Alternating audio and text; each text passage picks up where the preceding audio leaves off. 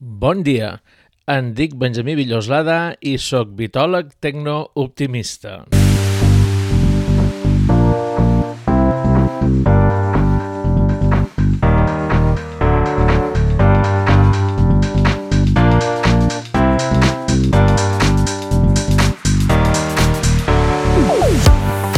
Benvinguts en el primer capítol de la tercera temporada. Sí, estreno temporada. I encara no sé ben bé per què. Trobo que una temporada hauria d'haver un canvi de tema, però no faig canvis així de cop. Aquest podcast va canviant de forma orgànica, a mesura que van passant els capítols, que aneu dient coses, que els convidats, com ha passat darrerament, són molt interessants i la conversa, com que no s'acaba, ho allarguem molt de temps, podria dir que faig una nova temporada perquè ara fa un any que vaig fer la segona. I en aquell moment va ser perquè estrenava micròfon. No estreno res perquè la crisi no permet estrenar gaire coses, però mira, sí, estreno temporada. Ja està, me l'han portat els Reis. Moltes gràcies per escoltar-me.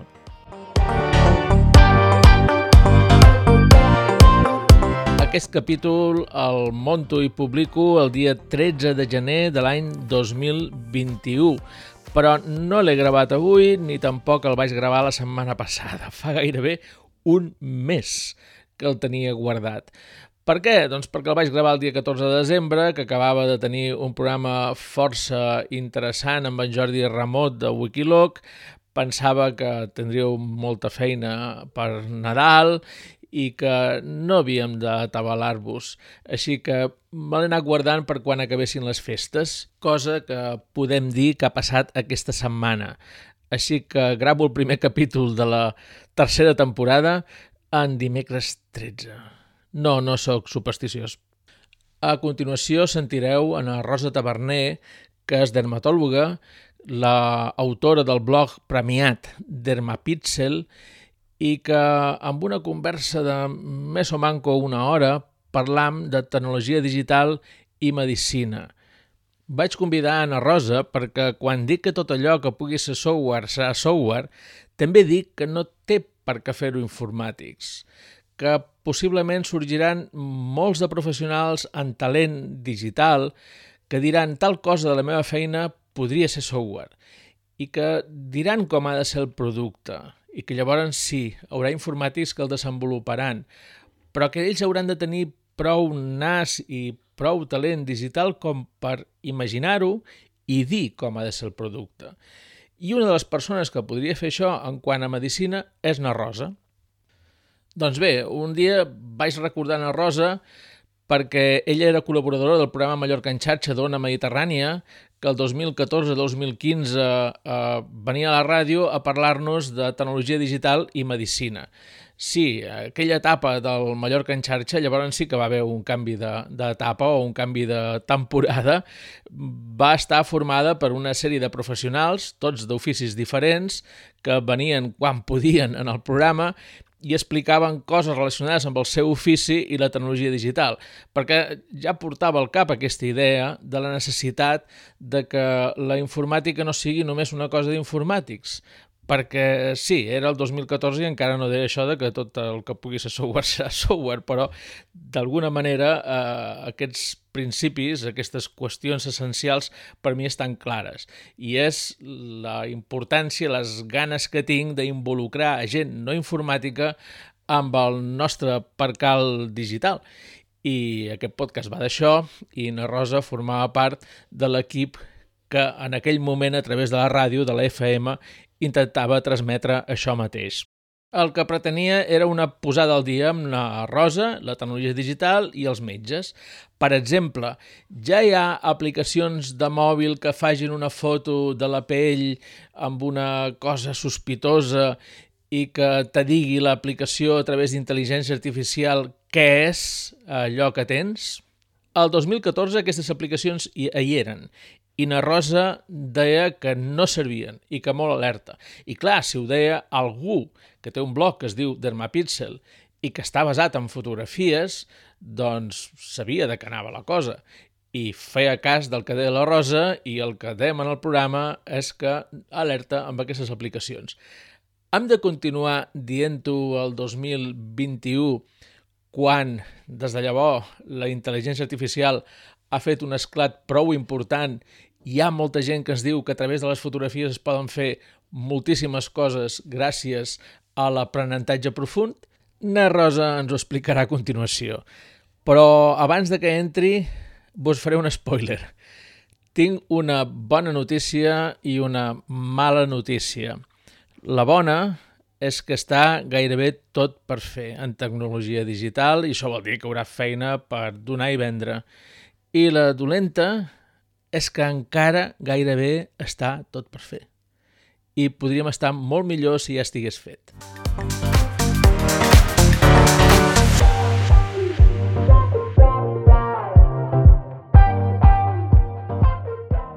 Estic molt content de tenir en Rosa Taverner al podcast perquè eh, amb ella varen compartir molt, molt de micròfon fins a l'estiu del 2015 a Ona Mediterrània, en el Mallorca en xarxa, que és un programa que va durar dues temporades a l'emissora Ona Mediterrània, després que n'hagués tingut vuit més a l'emissora eh, pública Ona Mallorca, però va ser com una petita resurrecció de dos anys, i en aquests dos anys o dues temporades va venir a Rosa com a experta en qüestions que tenen a veure amb tecnologia digital i medicina.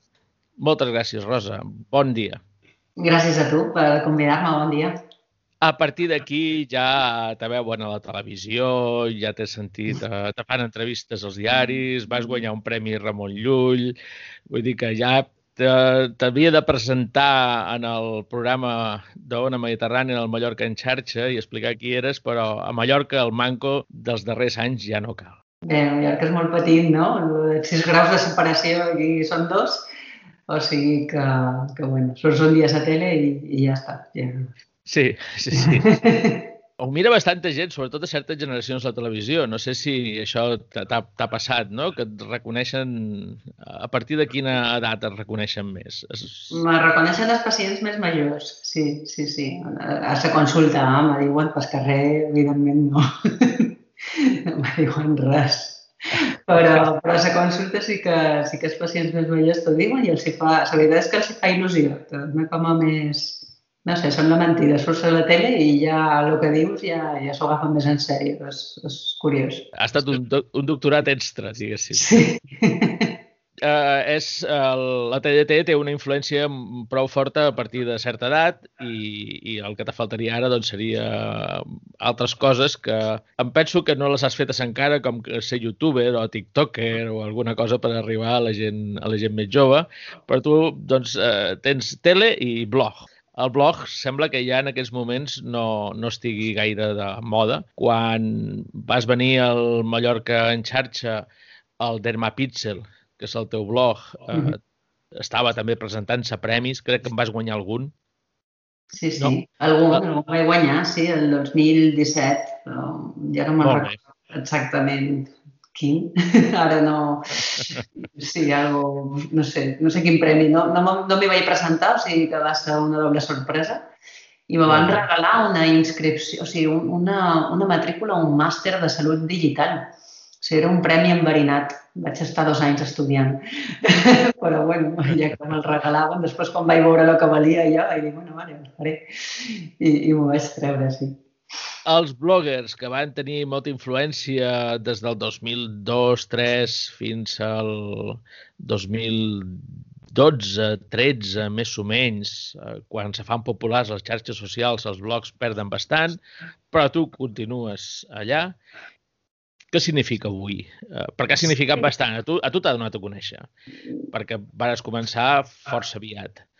Però ara, què, què, hi, què hi treus de continuar? Perquè continues molt activa amb el blog, com el primer dia. A més, ho, sí. ho mous molt, perquè no és simplement fer apunts i passar-los a les xarxes socials. No, vas intentant despertar l'interès posant a cada episodi o cada capítol de blog li poses un, un enigma, fas que la gent participi, que comenti, ets, ets, tens un blog en comentaris, cosa que ara mateix si no és per contradir... Les residències s'obligo a comentar, no? O sigui que és una mica forçat, però sí, després comenta molta gent que no, que no està obligada. Jo vaig començar l'any 2011 com a i vaig crear el blog com una manera d'incentivar l'estudi en els, en els residents que venien a formar-se en el nostre servei i en pla, una, el que tu deies, un enigma setmanal que plantejo un cas clínic sempre els dissabtes i els dimecres el resolc centrant-me en una malaltia, en algun aspecte del tractament o del diagnòstic, en alguna cosa que cada vegada és vera que m'acosta més trobar temes i no repetir-me, no?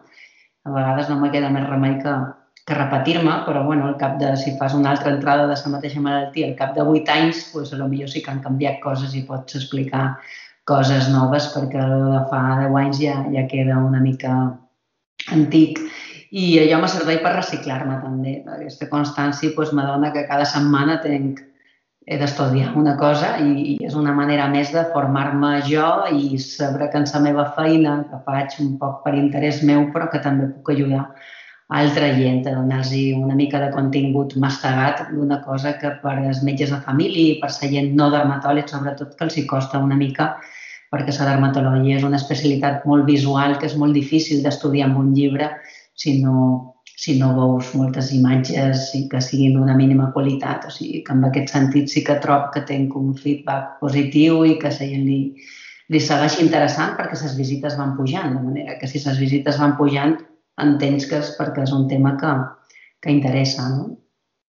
És curiós que tinguis moltes visites, que vagin pujant, perquè això amb els blogs no passa. És curiós que tinguis molts comentaris, perquè tampoc passa tot se sol desviar cap a les xarxes socials, que s'ha aconseguit mantenir-ho allà dintre.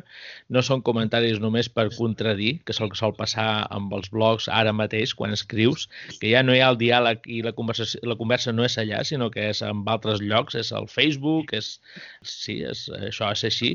Doncs no, és, és, el teu cas és singular perquè ho continues mantenint i a més vas començar doncs, quan els blogs començaven a, a, a baixar.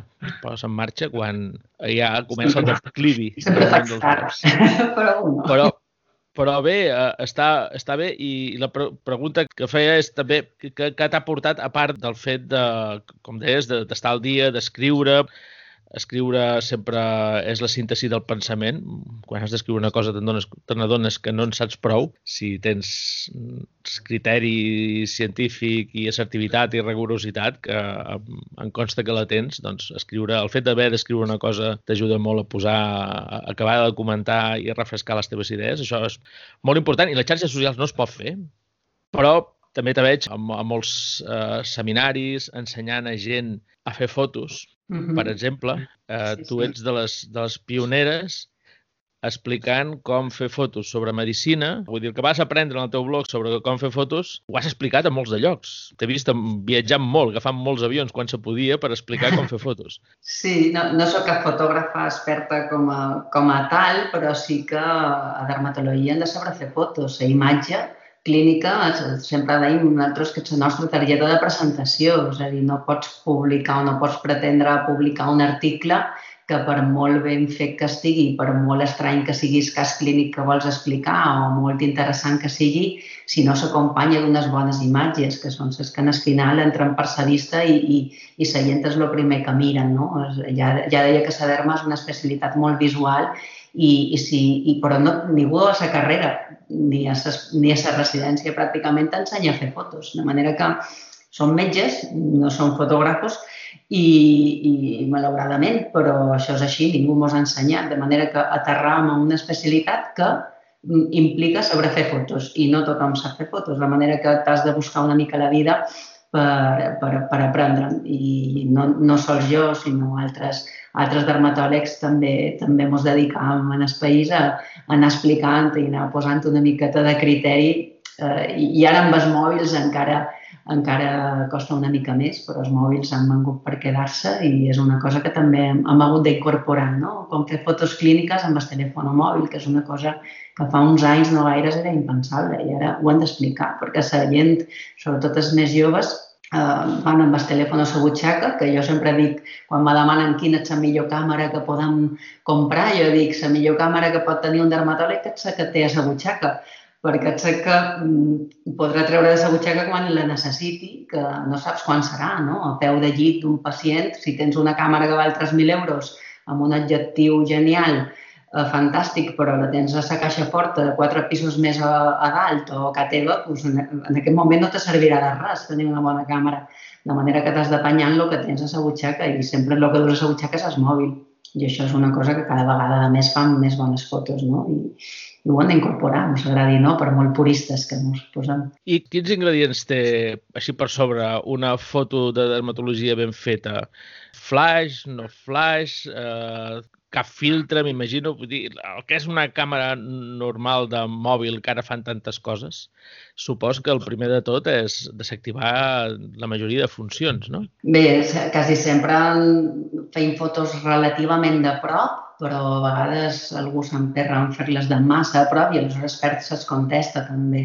Depèn un poc de lo que vulguis transmetre, no? Has de, quan fas una foto mèdica, doncs vols transmetre un missatge i vols donar una informació i a lo millor la informació està en com se distribueixen les lesions pel cos al llarg del braç i veure que un braç s'entén i un altre no, de manera que aquí ens hem d'allunyar més. No? Si és una lesió, un tumor, que, que és una cosa més recollida, aleshores sí que necessitaràs apropar-te, però, però apropar-te d'una manera que, que tampoc no perdis el contexte i que puguis saber en la foto quin tamany més o menys fa aquesta lesió, a part evidentment que sigui una imatge que estigui enfocada amb unes condicions de llum eh, que siguin equiparables i per això normalment els flash sí que sempre el recomanem perquè és una manera de garantir-te que, que sempre estan fetes en les mateixes condicions. Això amb els mòbils pot ser una mica diferent, però, però amb una càmera, diguem, convencional sempre recomanem el flash i després l'altre que recomanem és eliminar tots els elements distractors que en deim, no? O sigui, si, si li fas una foto a la cara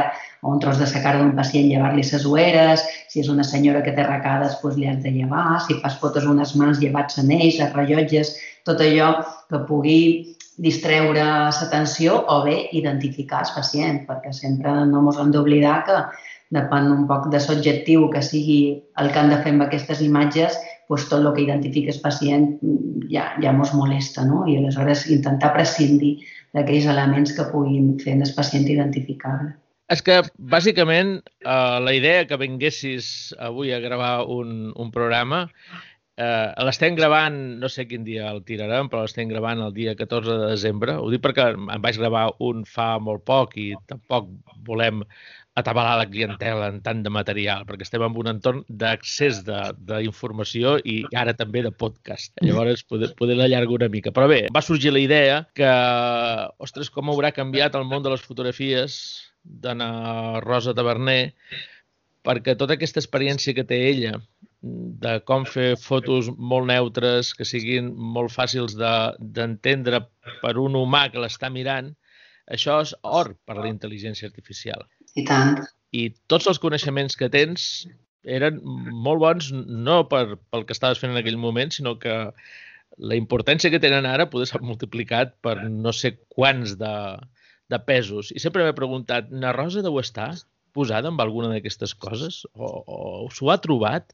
I li han demanat el seu expertise per intel·ligència artificial?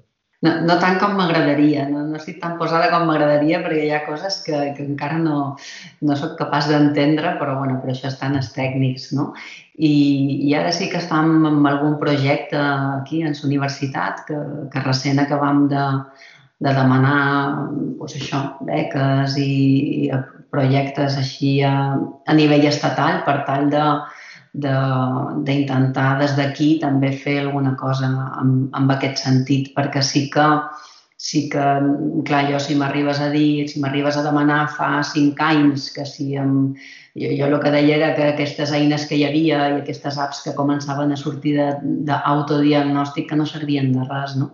I ara això ja... Ho recordo, ho recordo sí, sí. que ho deia sovint en el programa de Aquestes ràdio. continuen sense servir de res, no? O sigui, encara no en tenim d'eines eh, que, que realment donin, donin un diagnòstic fiable, però això canviarà, canviarà en els propers anys, perquè és el que tu dius, el deep learning i la intel·ligència artificial han vengut per quedar-se seria una tonteria no, no emplear aquests, aquests recursos perquè realment són una, te donarien molta, molta seguretat i permetrien permetrien pues, pues, dedicar-nos a, a lo que realment ens hem de dedicar, no? en els casos més dubtosos, en els casos més difícils.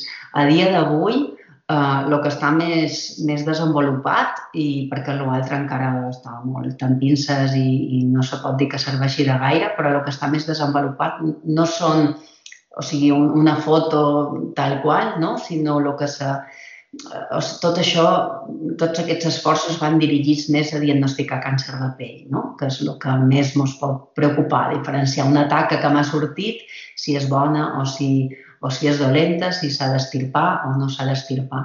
I, i, I aquí estan abocats tots aquests recursos inicialment, supos que en un futur també servirà per altres coses, i, i no tant en fotos clíniques i ja està, és a dir, la foto de la taca tal com la pot captar un telèfon mòbil directament o una càmera de fotos, per bona que sigui, sinó amb un altre tipus d'imatge que és molt més eh, comparable i, i, ens dona molta més informació que la imatge dermatoscòpica, no? que són fotos fetes amb llum polaritzada i amb augment, que és una eina que tenim els dermatòlegs i que sense això és com si ens llevassin els ulls i, i és igual, mm, és una extensió, diguem, ja del nostre cos i som incapaços de diagnosticar o d'intentar diagnosticar cap tipus de lesió cutània sense s'ajuda des, des de dermatoscop, que, que ens dona molta més informació. I aquesta molta més informació se pot traduir, diguem, en zeros i uns i ens pot ajudar a prendre decisions més, eh, més, més fermes. No? I, I per aquí van els tiros avui en dia. Ahà. Me pregunt si aquesta llum que deies no està pensada per humans. Vull dir que ajuda amb els metges a veure coses, però si aquestes mateixes coses amb una bona resolució i una mateixa i una bona foto no són diferents per la mirada de la intel·ligència artificial. Ho dic perquè a vegades la intel·ligència artificial ens sorprèn. En, ens sorprèn a l'hora de veure coses perquè no és la mirada del, de l'humà. És, Clar, és una altra. És, Sí, no, realment hi ha molt de problemes i, i, i coses que per tu són molt bàsiques. Si intel·ligència artificial se fa, se pitja un lío, diguem, no? Per exemple, en altres vegades, perquè saps que necessites molts de... Ara no me'n record, però són milions d'imatges per, per donar-li potència, no? Uh, necessites un banc d'imatges que estiguin que tu sàpigues fermament el diagnòstic per ficar-li a la màquina i que després la màquina... Bueno, jo, jo ho explico així perquè no ho sé explicar d'una altra manera, però que després la màquina pugui fer les seves conclusions i, i aprendre, no? I aleshores, mm, després, al revés, tu li dones una imatge i te dona el resultat. Coses tan xorres com, per exemple, en altres vegades, quan veïns la foto, immediatament abans d'una biòpsia, a vegades amb un rotulador negre marcant, no? per, per, per saber que, quina, quina de les 40.000 taques que té el pacient et que anem a biopsiar o anem a fer tal. Pues si mos han descuidat i feien la foto dermatoscòpica quan ja han fet la marca de rotulador, imagina't eh, aquest negre, no? que, que per tu està clar que és un rotulador, pues, per, un, per un ordinador pues, se torna loco i se, tot això ho interpreta com una informació i aleshores s'ha d'anar molt en cura no? i, i vull dir, no, no vale tot, no? perquè si no se pot fer un lío i interpretar coses que no són, o sigui que no, no és tan fàcil i coses que per tu són superfàcils, per l'ordinador se fa un lío i al revés, coses que per tu són molt similars, sort o sigui, si intel·ligència artificial és capaç de treure molta més informació i, i ajudar-te amb, amb, amb un diagnòstic. Et feia la pregunta perquè una de les coses que fa falta a l'hora de tenir com, com tu molta experiència en fer fotografies és després eh, també veure o tenir la mirada que té un, un sistema d'intel·ligència artificial d'aquelles mateixes fotografies. Llavors, a l'hora de fer la selecció, ets molt més bo si ets capaç d'entendre com laborar ells i que no és de la manera en què ho veiem els humans. Per exemple, fotografies desenfocades poden ser molt útils també. Per nosaltres un desenfoc eh, és, és un error, però si ells han après, eh, vull dir els robots, a, a veure moltes fotos desenfocades amb certa malaltia, doncs també te la detectarien, perquè Igual sí. tant, tant els hi fa l'enfoc. Però per què permetre aquestes fotografies desenfocades? Doncs perquè passa, perquè amb el dia a dia passa.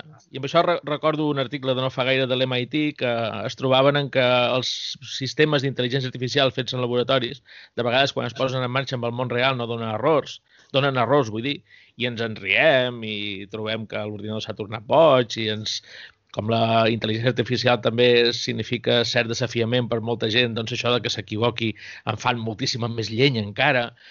I és perquè, com s'ha fet tan perfecte, després, en el món real, les coses que passen de veritat no estaven previstes i no, no hi eren dins del seu corpus i per això allà hi havia respostes eh, falses com aquell partit de futbol que la càmera per intel·ligència artificial anava seguint la pilota i es va posar a seguir un jutge de línia que era calb. Es pensava que la seva calva era uh, la pilota. I sí, són coses que passen en cert moment, però després es resolen. No sé, és, és una cosa que podeu de reclamar que vos ajudin a tenir una mirada amb, amb oficis com el teu, que tenen tanta importància les imatges, a tenir una mirada de com funcionen els sistemes d'intel·ligència artificial. I a més n'hi ha, ha molts, n'hi ha de, de molts, molts tipus. No només eh, entrenar amb etiquetes, que és el que se, que és el que se fa en molts ensenyaments d'intel·ligència artificial, vull dir, donar-li molts de milers, depèn de quin tipus, cada cas, la quantitat de fotografies, però quan li dones el suficient nombre de fotografies etiquetades amb una cosa, ell ja és capaç després d'etiquetar-les. Però de vegades passa el contrari. Per exemple, una, una empresa que feia peces tenia el problema que volia eh, detectar les peces defectuoses, però gairebé mai no en tenien de defectuoses. Llavors, com entrenes per dir-li que una peça és defectuosa? perquè era l'excepció. Se tractava d'una empresa de molta precisió i gairebé totes les que feien estaven bé, però no, la revisió de les que no estaven bé l'havien de fer mà i era molt costosa per això, perquè era com buscar agulles dins un paller, però era molt important que no es colés mai cap peça defectuosa, perquè una vegada instal·lada a l'aparell en qüestió, eh, aquell defecte podia produir, produir problemes molt grossos i molt costosos. No? Era en el món de l'aviació per fer-nos una idea doncs el detectar les peces mm, defectuoses sense tenir-ne es va fer per, per una qüestió inversa, ensenyant sempre milers de peces bones i que llavors detecti coses estranyes.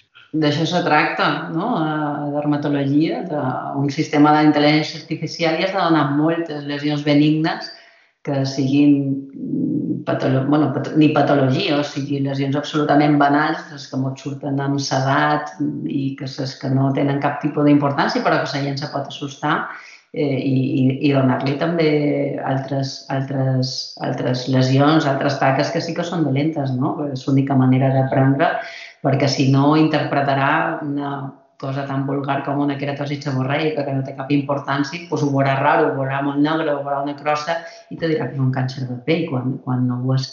I, i d'això se tracta, de donar-li moltes, moltes, moltes fotos per, perquè n'aprengui. Sí, sí. Doncs està bé que hagis començat alguna cosa en quant a intel·ligència artificial perquè si algú li toca ets tu. Ets pionera amb les fotografies digitals. M'equivoco o no? bueno, he, he tingut eh, antecessors que, que han estat més pioners que jo. Eh? No, no, no me puc considerar pionera, però sí que millor he continuat en la línia des que ho han, ho han fet primer i no sóc l'única, però, però sí som uns quants que mos, mos dedicam, mos intentant dedicar a, a ser molt pesats perquè la gent, la gent professional, vull dir, faci fotos d'una manera que considerem que és correcta i, i que ha de ser més, i que te fa més professional. Però i avui en dia ja ens hem donat compte que no només li hem d'explicar com fer fotos clíniques a un dermatòleg, sinó també a un pacient, no? que cada vegada més, i ara sobretot amb, amb, amb la pandèmia que vivim, cada vegada més s'han hagut d'espavilar i, i, i no han tingut l'accés que haguessin volgut en el dermatòleg, que és especialista, i ens hem hagut d'apanyar en el que teníem i era que ens enviaven fotos als pacients i, i això també ens hi hem trobat i, i hem hagut de començar explicant als pacients també com s'han de fer, autofer les fotos, les selfies, diguem, des d'una altra perspectiva més mèdica perquè a nosaltres també ens ajudi i, la, i, i, i ho puguem interpretar millor. Mm -hmm. I això mhm. també ha suposat un repte. Bé, no pionera, doncs insistent, de les, que, de les evangelitzadores sobre el tema. No només les fotografies fetes per vosaltres i per metges, sinó també la, la població. Amb la pandèmia i amb la teleassistència han trobat que la telemedicina és una cosa important, que ja existia, però que segurament tindrà eh, l'èxit eh, accelerat, tal com han tingut les videoconferències i els webinars i l'ensenyament a distància, doncs també passarà amb la telemedicina.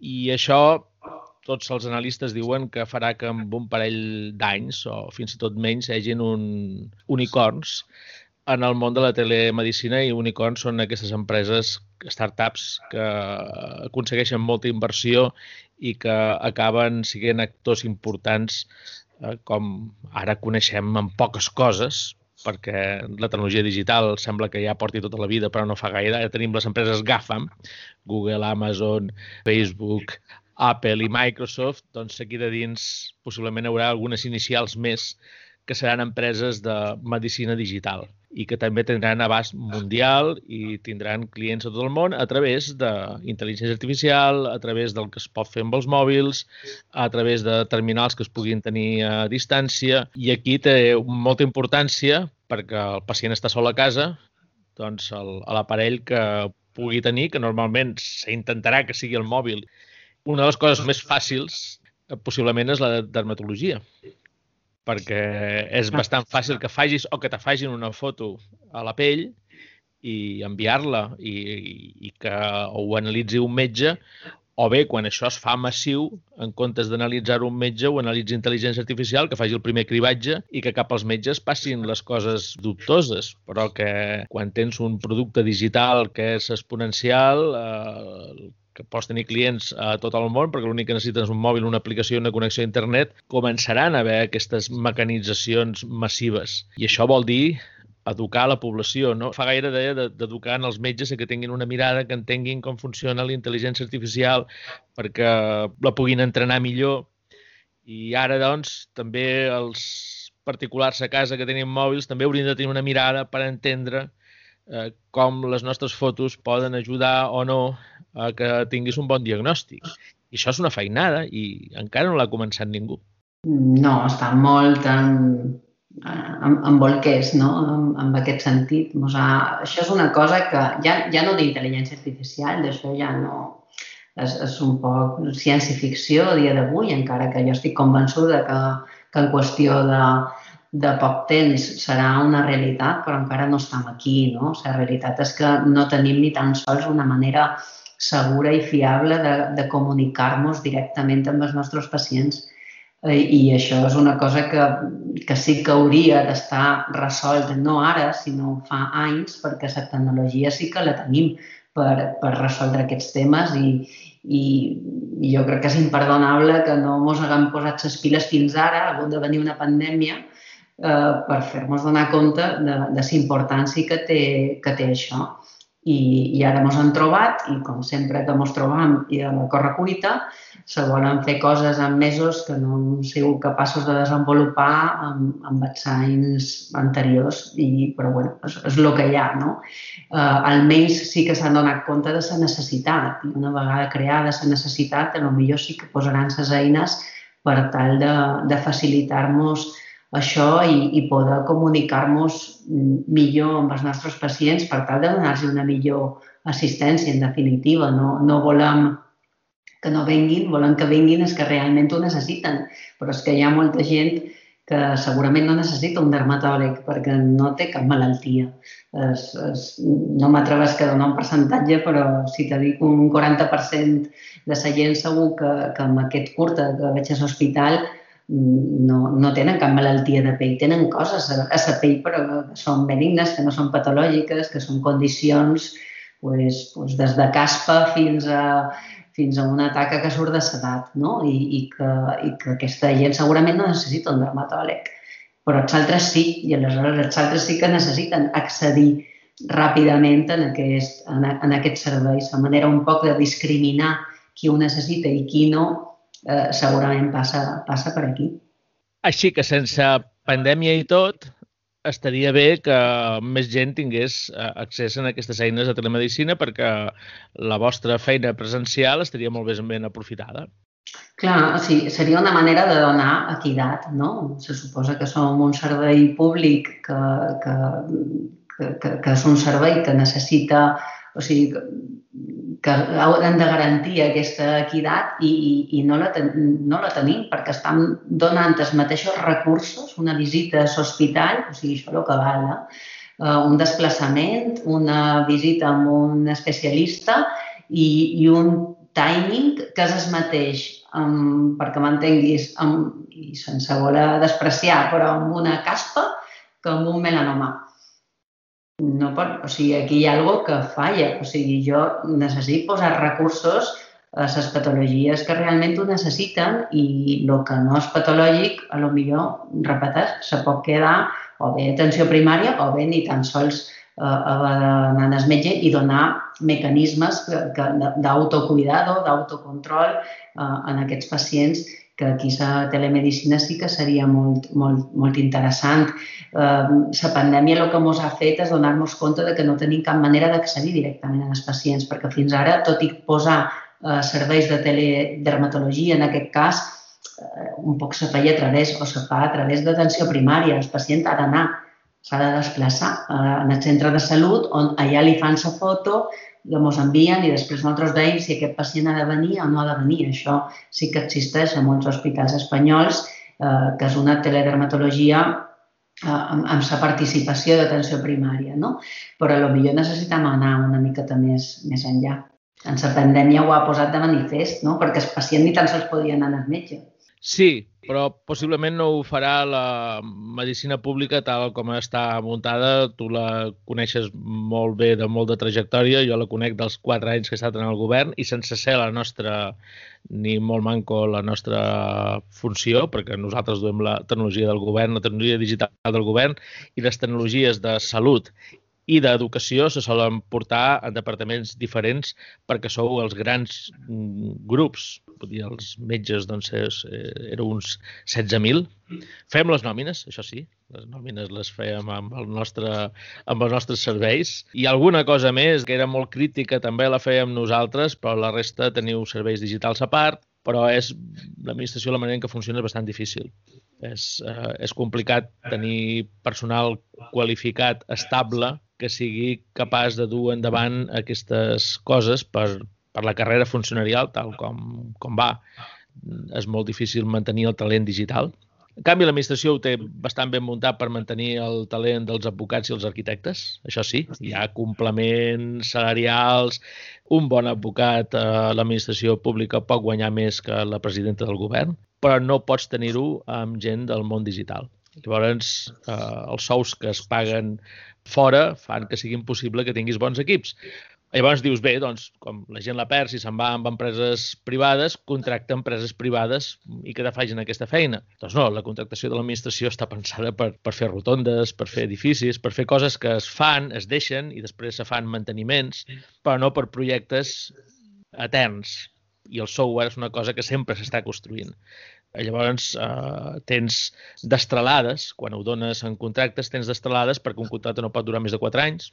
Allà s'aturen els serveis i, i els guanya una empresa diferent, amb altre personal, amb una altra manera de treballar, amb una altra visió, amb una altra cosa, i com a administració no pots dir que guanyi una altra empresa, no pots dir que vull que guanyi la mateixa, és un delicte. I això impideix grans projectes digitals. I per coses com aquesta és molt difícil que l'administració sigui innovadora en res i la medicina necessita moltíssima innovació i possiblement vindrà de fora d'aquests unicons que t'explicava abans. Però fixa't que, per exemple, a Andalusia sí que ho han fet, no sé com, eh, és a dir, a través de fons europeus i, no sé, potser un altre tipus de beques o de, o d'ajuts o no contractes directament, no sé, però sí que ja han tingut cintura per durant la pandèmia, en els moments més durs, tenia aquesta flexibilitat per, per tal de desenvolupar en un temps rècord eh, això que t'estava comentant, que és una cosa simple, segurament, però que a vegades les coses simples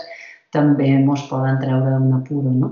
I, i ells sí que, sí, Andalusia, ja dic, sí que, sí que han pogut desenvolupar, que, que estan més adelantats que nosaltres en aquest sentit, la teledermatologia, doncs l'han pogut fer, fer directe amb els, amb el pacient, canviant completament el concepte, no? I, i ho han fet en tres setmanes, en dues setmanes. O sigui, jo tinc esperança de que, de que algun dia se pugui, se pugui fer alguna semblant aquí. Això sí, sí, perquè eh, a vegades és qüestió de mentalitat el deixar, de fer, el deixar que la gent faci segons quines coses o fer-los passar pel, pel servei d'assistència primària. Perquè la tecnologia, per parlar amb una persona a distància i perquè t'enviï fotografies i fins i tot que puguis tenir un diàleg amb ella, diguent-li, no, aquesta fotografia no l'has feta prou bé, torna-la a fer i fer-la d'aquesta manera. Això no és difícil. Això ja és una qüestió de voluntat. Jo em referia a coses molt més potents com per basar tota l'assistència amb intel·ligència artificial. Això, que sigui estable com a servei dins d'un govern, eh, és la part més difícil. Sí, això segur que és més complicat. Jo ja t'he dit, com que me conformen molt menys, doncs... Clar, em crida l'atenció. Unes altres aspiracions, si no tens res, doncs, doncs qualsevol coseta ja t'apareix un canvi important m'ha crida l'atenció per un altre costat que no se pugui fer això, no? De... Perquè tu vas oferir a través de Twitter. Uh, ei, si teniu problemes, ens fem sí, voluntaris durant, durant perquè ens envieu fotografies. Durant el confinament més dur, diguem, amb el qual pues, pues aquí sí que tothom estava tancat a casa, sí que uns quants dermatòlegs, molts dermatòlegs, de fet, ens vàrem com a, alinear a, a través de xarxes primer i després quan vam veure que això era, clar, tampoc no era viable, no? Perquè una cosa és que tinguis bona voluntat i una altra cosa és complir la legislació vigent, que per exemple aquí el Reglament General de Protecció de Dades Europeu mm, continua estant vigent. Als Estats Units, per exemple, els HIPAA han, han canviat la legislació per tal de per tal de d'adaptar-la en aquests temps de pandèmia, però aquí no ha canviat la llei de manera que, que el que fèiem inicialment tampoc no, no se podia considerar que complís la legislació i aleshores després ho vàrem fer a través d'una aplicació que, que sí que la vàrem oferir almenys gratuïtament amb un conveni eh, signat en l'Acadèmia Espanyola de Dermatologia perquè tot quedés més, més bueno, tot fos legal, diguem, no? I, i sí que durant el confinament dur, que, que va ser mentre va durar l'estat d'alarma, que crec que va ser dia 4 de maig, eh, hi havia molts dermatòlegs que, que de manera gratuïta resolien, resolien dubtes o intentaven resoldre dubtes a través de la imatge de, de pacients que físicament estaven, no sabíem on, i que va ser una mica la manera d'intentar-los orientar i, i, bueno, i això ho varen fer com a 5.000 consultes, una cosa així. Sí. Déu-n'hi-do. A mi em va xocar, perquè a l'època que fèiem ràdio plegats me'n recordo que sovint rebutjaves que la gent pogués fer una foto, enviar-la. M'imagino que el que ha passat, el canvi, és perquè les fotos són millors o perquè la gent és més hàbil utilitzant aquestes coses i no hi romp com hi rompia abans, què és el que va canviar? Perquè ara sí que acceptéssiu fotos a distància. No, el que va canviar és la situació, que la gent no tenia, doncs, o sigui, nosaltres aquí vivim un món que la gent pot anar al metge i té accés a la sanitat pública, privada o la que tingui, no?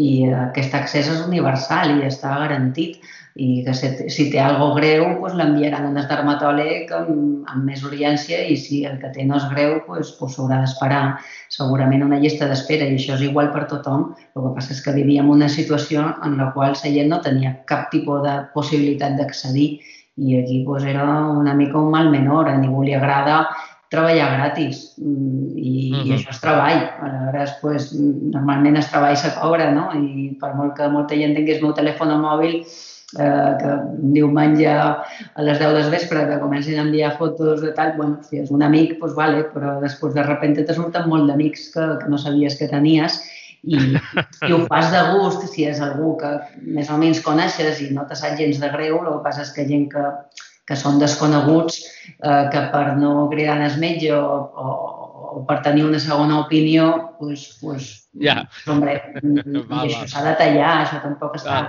no està bé, no? Mm, pues varen considerar que, que no hi havia aquesta possibilitat i era una mica de samarita, no?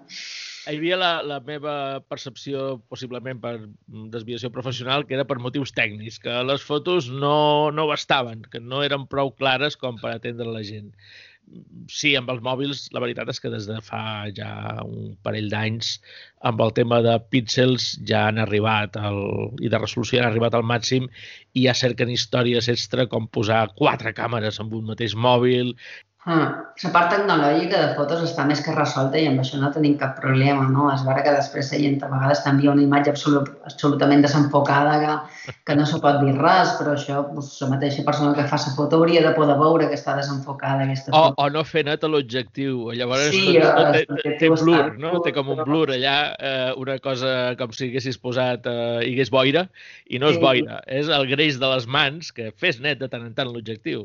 El tema també és que a vegades la gent una mica ho simplifica tot i, bueno, la gent per desconeixement segurament, i a vegades se pensen que amb una, amb una foto t'envien una, hi ha molta gent que t'envia una foto i ja està, no? I, i t'envien una foto, ni tan sols te diuen res, tu no saps ni de qui és, ni si és del fill, ni si és de, de l'avi, ni si és de, sense cap contesta. És a dir, la foto, per molt ben feta que estigui, a no ser que sigui un tumor, que aleshores ja és algo que tu ja vas amb uns altres ulls, no? però una patologia inflamatòria, una infecciosa, etc.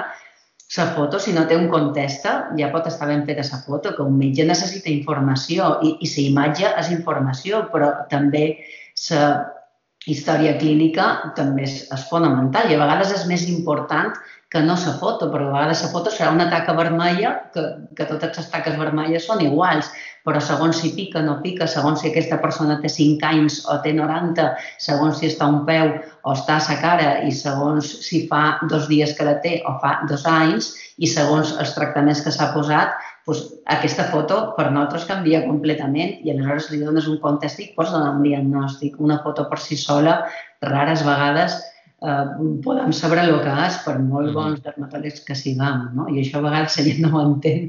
T'envien la foto i se pensen que tu faràs màgia i ja sabràs. I, i per això els ordenadors també, per molta intel·ligència artificial, ja dic, la foto no és, és important, però, però també l'has de nutrir d'un context que també és igualment important. Sí, sí. De fet, aquí es veu la necessitat clara que teniu els professionals si vos assalten o atraquen d'aquesta manera eh, de, de tenir chatbots, tenir assistents allà dintre. Quan apareix una fotografia així sense context, que sigui el robot el que faci les preguntes, que sembli que ets tu, que sigui intel·ligència artificial que hagi après, hagi après els teus tics i de més, que sembli que és la rosa, però que se n'encarregui ell. De... Jo vaig al revés, jo, jo semblo un chatbot, eh, eh, no soc jo. doncs poder també serviries per entrenar a chatbots de respondre això. No, de fet, és una de les maneres fàcils de començar molts de projectes. En comptes de complicar-se molt la vida amb uh, software i amb aplicacions complexes i de més, un chatbot del Telegram. Per què no? Es passen les fotos, al darrere hi ha tot un sistema que pot ser tan complex com vulguis, que va donant respostes, i es va seguint el fil. Eh, sovint amb les optimitzacions prèvies excessives, vull dir, donar massa voltes amb un producte per voler ser massa espectacular, o estar massa encantat de la teva idea, es comença, no es tenen expectatives massa grans i això fa que mai acabi de començar el projecte o que mai acabi de, de perfilar-se perquè és massa car, hi ha massa temps de desenvolupament, doncs es comencen en cosetes així i déu nhi fins on es pot arribar i sovint és per solucionar un problema propi com és aquest que desconeixia que teniu els dermatòlegs, que és que t'envien...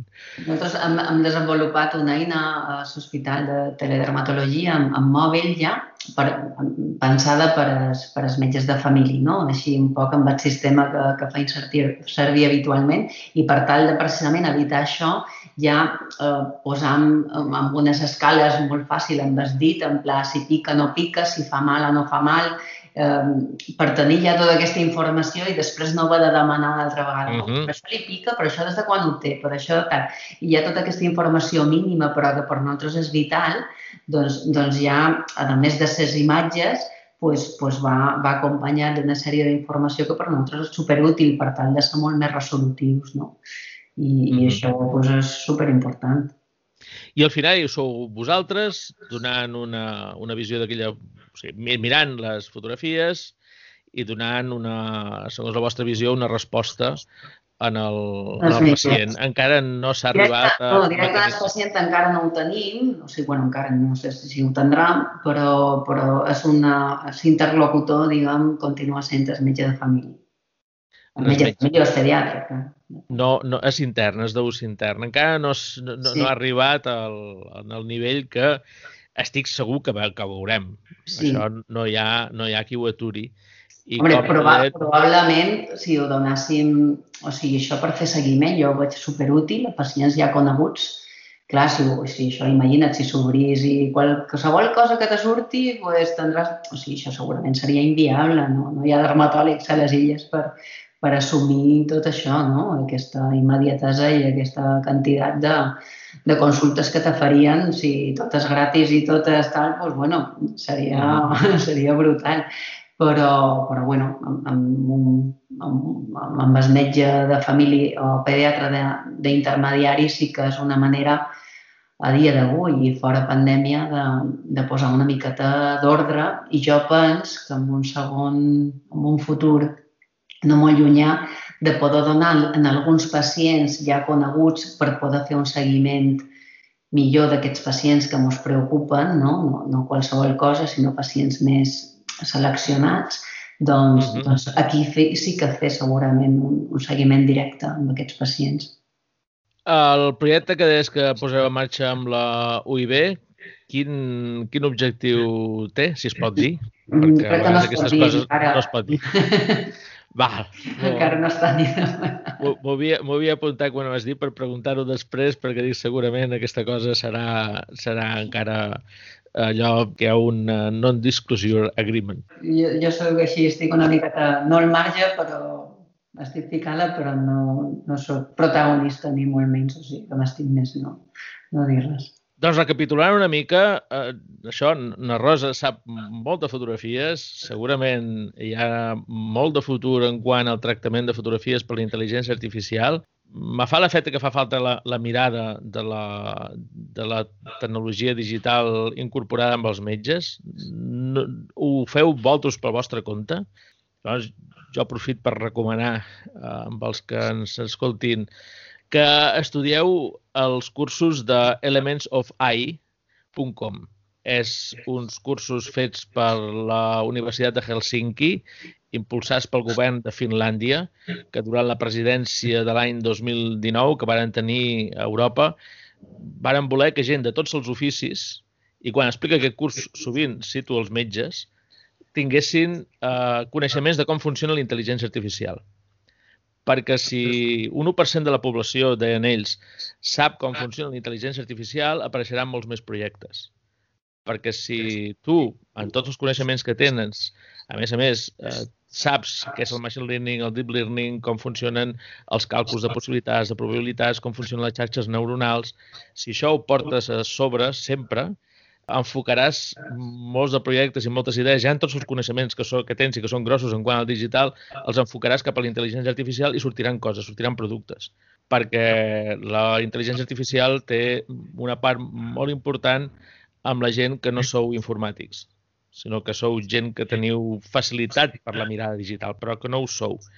I, i quan ho veus, quan veus que és possible fer-ho, llavors ja trobareu informàtics, ja trobareu tècnics que ho desenvolupin i, i ja se podrà arribar a crear un producte. Però jo crec que ens acostem amb una fase que gent com tu és més important per l'avanç de la tecnologia digital que els propis informàtics. M'ho miraré. Segur que m'anirà bé. El Elements of AI no és gaire complicat, són... En 40 hores fas el primer, ara ha entrat un segon, que és per aprofundir encara una miqueta més, però el primer és amb la idea de que gent sense coneixements d'intel·ligència artificial o sense coneixements de tecnologia digital eh, puguin entendre les qüestions bàsiques. Mm. I et donen un diploma quan acabes i, i està més molt ben, molt ben muntat. Estic segur que t'agradarà. Perquè fa falta aquesta mirada. No, no hi sol ser i, i, i per això veus que hi ha tants eh, projectes que no, no avancen perquè no hi ha hagut ningú que, que digui que això se pot fer i que sigui del, del món de l'ofici aquell, del funcional. Perquè els informàtics, eh, si tu deixes els informàtics que facin coses, cada dos anys trauran un Windows 95 millor, bàsicament. Però necessiten algú que els hi cridi l'atenció sobre algunes qüestions i, i si no hi ha gent que veu la possibilitat, doncs això no sorgeix. Eh, sí, l'informàtic cada vegada passarà a, a tenir més, més rols. De fet, els informàtics que ja tenen uns anys a l'ofici, això ho parlàvem en el podcast anterior, sovint se n'enriuen de la quantitat de, de rols que hi ha ara amb informàtica. I és perquè no tot és programar. Per exemple, fa falta gent parli amb vosaltres, amb els metges, i després parli amb informàtics i que tradueixi les, les visions, que tradueixi les coses i que ajudi a sortir el producte. T'he de dir que m'ha sorprès una, una mica que encara no estigui més avançat. Vull dir que, que no hi hagi una aplicació de mòbil que després d'aquest programa ens puguem instal·lar i que una intel·ligència artificial ja ens digui amb una fiabilitat raonable que tenim, això em pensava que ja, ja, ja hi era. I m'has dit que no, que encara continua agafant... Encara sí que ho veus, però que continua agafant-se amb pinces. Sí, així és. Però, bueno, és qüestió de molt poc temps, jo crec, però i, i sobretot en el que te deia, amb imatge dermatoscòpica, això està molt més avançat. Sí. Però clar, els mòbils no tenen aquesta llum... Hi ha, hi ha, sí, bueno, n'hi ha, però no ho tenen, clar, no ho tenen. És una cosa que s'hi pot acoplar, però ja els diners, o sigui, seient no, no, no és una cosa d'usuari normal, no. si no ets que t'hi dediques, no? Però, bueno, per alguna cosa se comença. Per, o sigui, això sí que ho podrien tenir els metges de família, per exemple i, i, i a partir d'aquí sí que ja eh, se podria destriar bastant, no? Bastanta gent. I l'altre seria una segona fase més complicada perquè aquí intervenen més factors i, i, i és més, jo ho veig més difícil però, però no impossible, no? Doncs això s'arribarà segur. Uh -huh. Tots els anuncis que han vist fins ara d'aquest tipus d'aplicacions i que diuen que utilitzen intel·ligència artificial, no són prou fiables. Ens quedem amb aquesta, amb no. aquesta idea dita per una experta que fa cinc anys ens deia que ni instal·leu-les ja. jo no conec cap que sigui molt fiable encara, però, però, bueno, però estic convençuda, també ho dic, i això potser no ho deia fa cinc anys, que, que d'aquí poc sí que, sí que n'hi haurà que ho seran. Uh -huh. I de coses que han passat aquesta pandèmia en quant a medicina, quines creus que quedaran? Tu viatjaves molt, ets sí, una persona no. inquieta, per això és un, algú a qui se li pot preguntar quines coses creus que te canviaran d'aquesta activitat constant no, que tu tenies? Segur que, que els congressos online també han vengut per quedar-se. O sigui, n'hi havia masses de presencials i que tampoc no hi podies anar tots o sigui, poder, poder assistir i tenir tota aquesta informació doncs, d'una manera, poder anar a dos congressos en una setmana era impensable. Poder-ho fer sense faltar sa feina, o sigui, és, és una cosa que, la veritat, home, està bé i està malament, no? Perquè també, també estàs tot el dia, has de fer les dues coses, però, però segur que, que hi haurà un model mixta més endavant, presencial, online, que se quedarà, que se quedarà, perquè la presencialitat continuarà sent necessària i, i és una cosa que se enyora, no? però, però no tanta com abans, era excessiu. I ara te dones compte de que hi ha moltes coses de qualitat que se poden fer en format online 100% i no perden eh, valor. I després sí, hi ha un congrés per veure hermós i per anar eh, a prendre una copa amb algú, doncs, doncs està molt bé, però, però això no ha de ser lo normal, no? crec jo.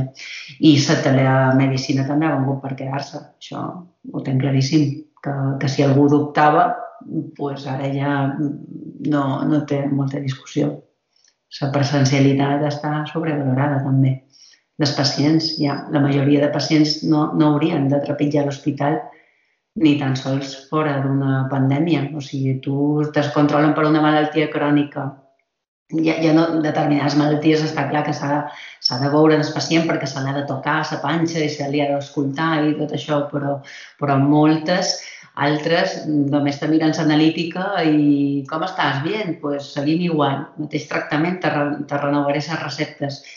Això són moltes o sigui, i no és bo per ningú. O sigui, el pacient també té altres coses que fer, probablement, que, que perdre un matí a l'hospital i aparcar i anar i nervis i perdre feina o, o vida, no? I, I tot això segur que se pot, se pot arreglar amb una telefonada o, amb una visita online dels pacients que estan bé, estic dient, però precisament per donar-te peu que els que no estan bé te puguin trobar fàcil, no? I, i això és el que ens hem de donar compte que no tots són iguals i no li hem de dedicar el mateix temps a tots perquè no tots te necessiten i, i han d'aprendre a discriminar qui te necessita i qui, i qui està bé a casa perquè l'anàlisi està bé i pot continuar amb el tractament. I aleshores per això la telemedicina sí que ens serà útil per, per molt reaci que siguis a emprar aquestes eines. Medicina amb internet de les coses, ha hagut algun dispositiu d'aquests d'IoT que te faci un anàlisi constant? No sé, he sentit parlar, per exemple, de gent amb problemes de diabetis que tenen uns, uns pedaços que s'aferren i que són NFC i que quan passis el, quan passes el mòbil per sobre te diu com, com estàs, sí. però que no havien acabat de triomfar. Que no... no, els diabètics i les bombes d'insulina sí? sí que està com a super... Sí, sí, sí. Això me consta que funciona. No sóc cap ah, experta perquè no, no estic en aquest món endocrinològic, però, però, però sí, també ara són espases, per exemple, un cirurgià ha desenvolupat una eina per a intel·ligència artificial per veure l'evolució de les ferides quirúrgiques, no? per, per valorar, no sé, jo té és, també per fotos en el mòbil, però sí que, uh -huh. sí que en funció de lo vermell que estigui, de lo, si supura, no supura, una sèrie de paràmetres, de com està la ferida, doncs interpreta si aquesta ferida pot estar infectada o tot va bé per tal de mm, decidir quins pacients s'han de mm, veure per veure si els has de posar antibiòtic d'una manera precoç abans de que aquesta infecció, infecció vagi a més. Això ho ha fet el doctor Segura i mm -hmm. de Son Espases, que és un cirurgià, i me consta que s'està posant en marxa. Vull dir, se fan coses. El que passa és que les coses que se fan depenen una miqueta de la iniciativa individual de cadascú, que no sempre després te trobes aquest recolzament que voldries per fer coses més grosses, no? Però, però bueno, al final som, ens dedicam a l'assistència, ens agradi o no, que, i en realitat és el que ens agrada, no? Fer, fer assistència, que per això ens paguen. I, i ja hi estem, intentant treure temps per, per veure com se poden fer les coses millor i poden ser, fer, ser, ser més eficients, que en definitiva és de lo que se tracta.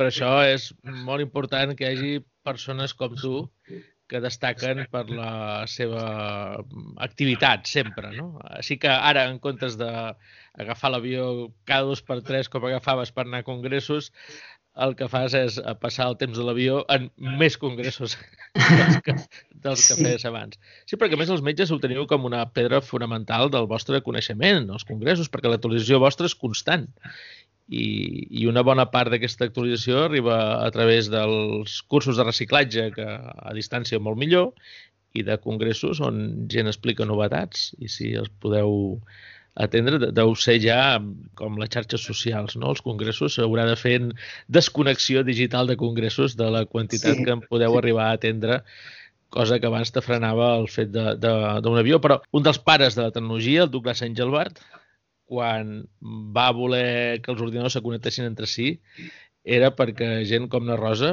o gent que té solucions als problemes de la humanitat es trobés més sovint. Això deia el Douglas Engelbart als anys 50, Imagina't. abans d'internet, és l'inventor del ratolí i el seu sistema NLS, que volia dir Online System, era perquè deia que els problemes de la humanitat no se solucionarien si no la gent no estava més connectada i per això els ordinadors havien d'estar connectats entre si i va inventar coses com el wiki, que eren documents perquè s'hi pogués treballar en grup a distància i perquè t'hi poguessis moure per sobre eh, com si fos un, un paper amb un llapis, va inventar el ratolí.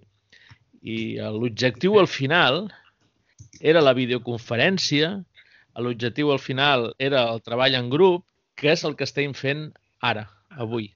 El somni del Douglas Engelbart cada vegada és més, eh, real i en coses com la pandèmia a sobre s'ha accelerat. Moltes gràcies, Rosa. Gràcies a tu. Quan puguis explicar què esteu fent amb imatges a la UIB... A veure, és... si arribo a port ja, ja t'ho diré. Fes un avís i, i si en podem parlar... Això ha d'avançar i estic content que gent com tu se n'adoni compte de que és possible. I tant. Moltes gràcies. Gràcies, una abraçada molt forta. Vinga, una abraçada, gràcies. Fins aquí la conversa amb la Rosa Taverner. Espero que vos animi, que vos serveixi per adonar-vos-en que en contacte amb professionals que tenen talent digital poden sorgir moltíssimes idees, perquè està tot gairebé per fer i que quan ho fagem, moltes coses aniran molt millor del que van ara. Per tot plegat, perquè no vull perdre aquesta visió, és per la qual cosa que sóc tecno-optimista. Moltes gràcies per haver-nos escoltat.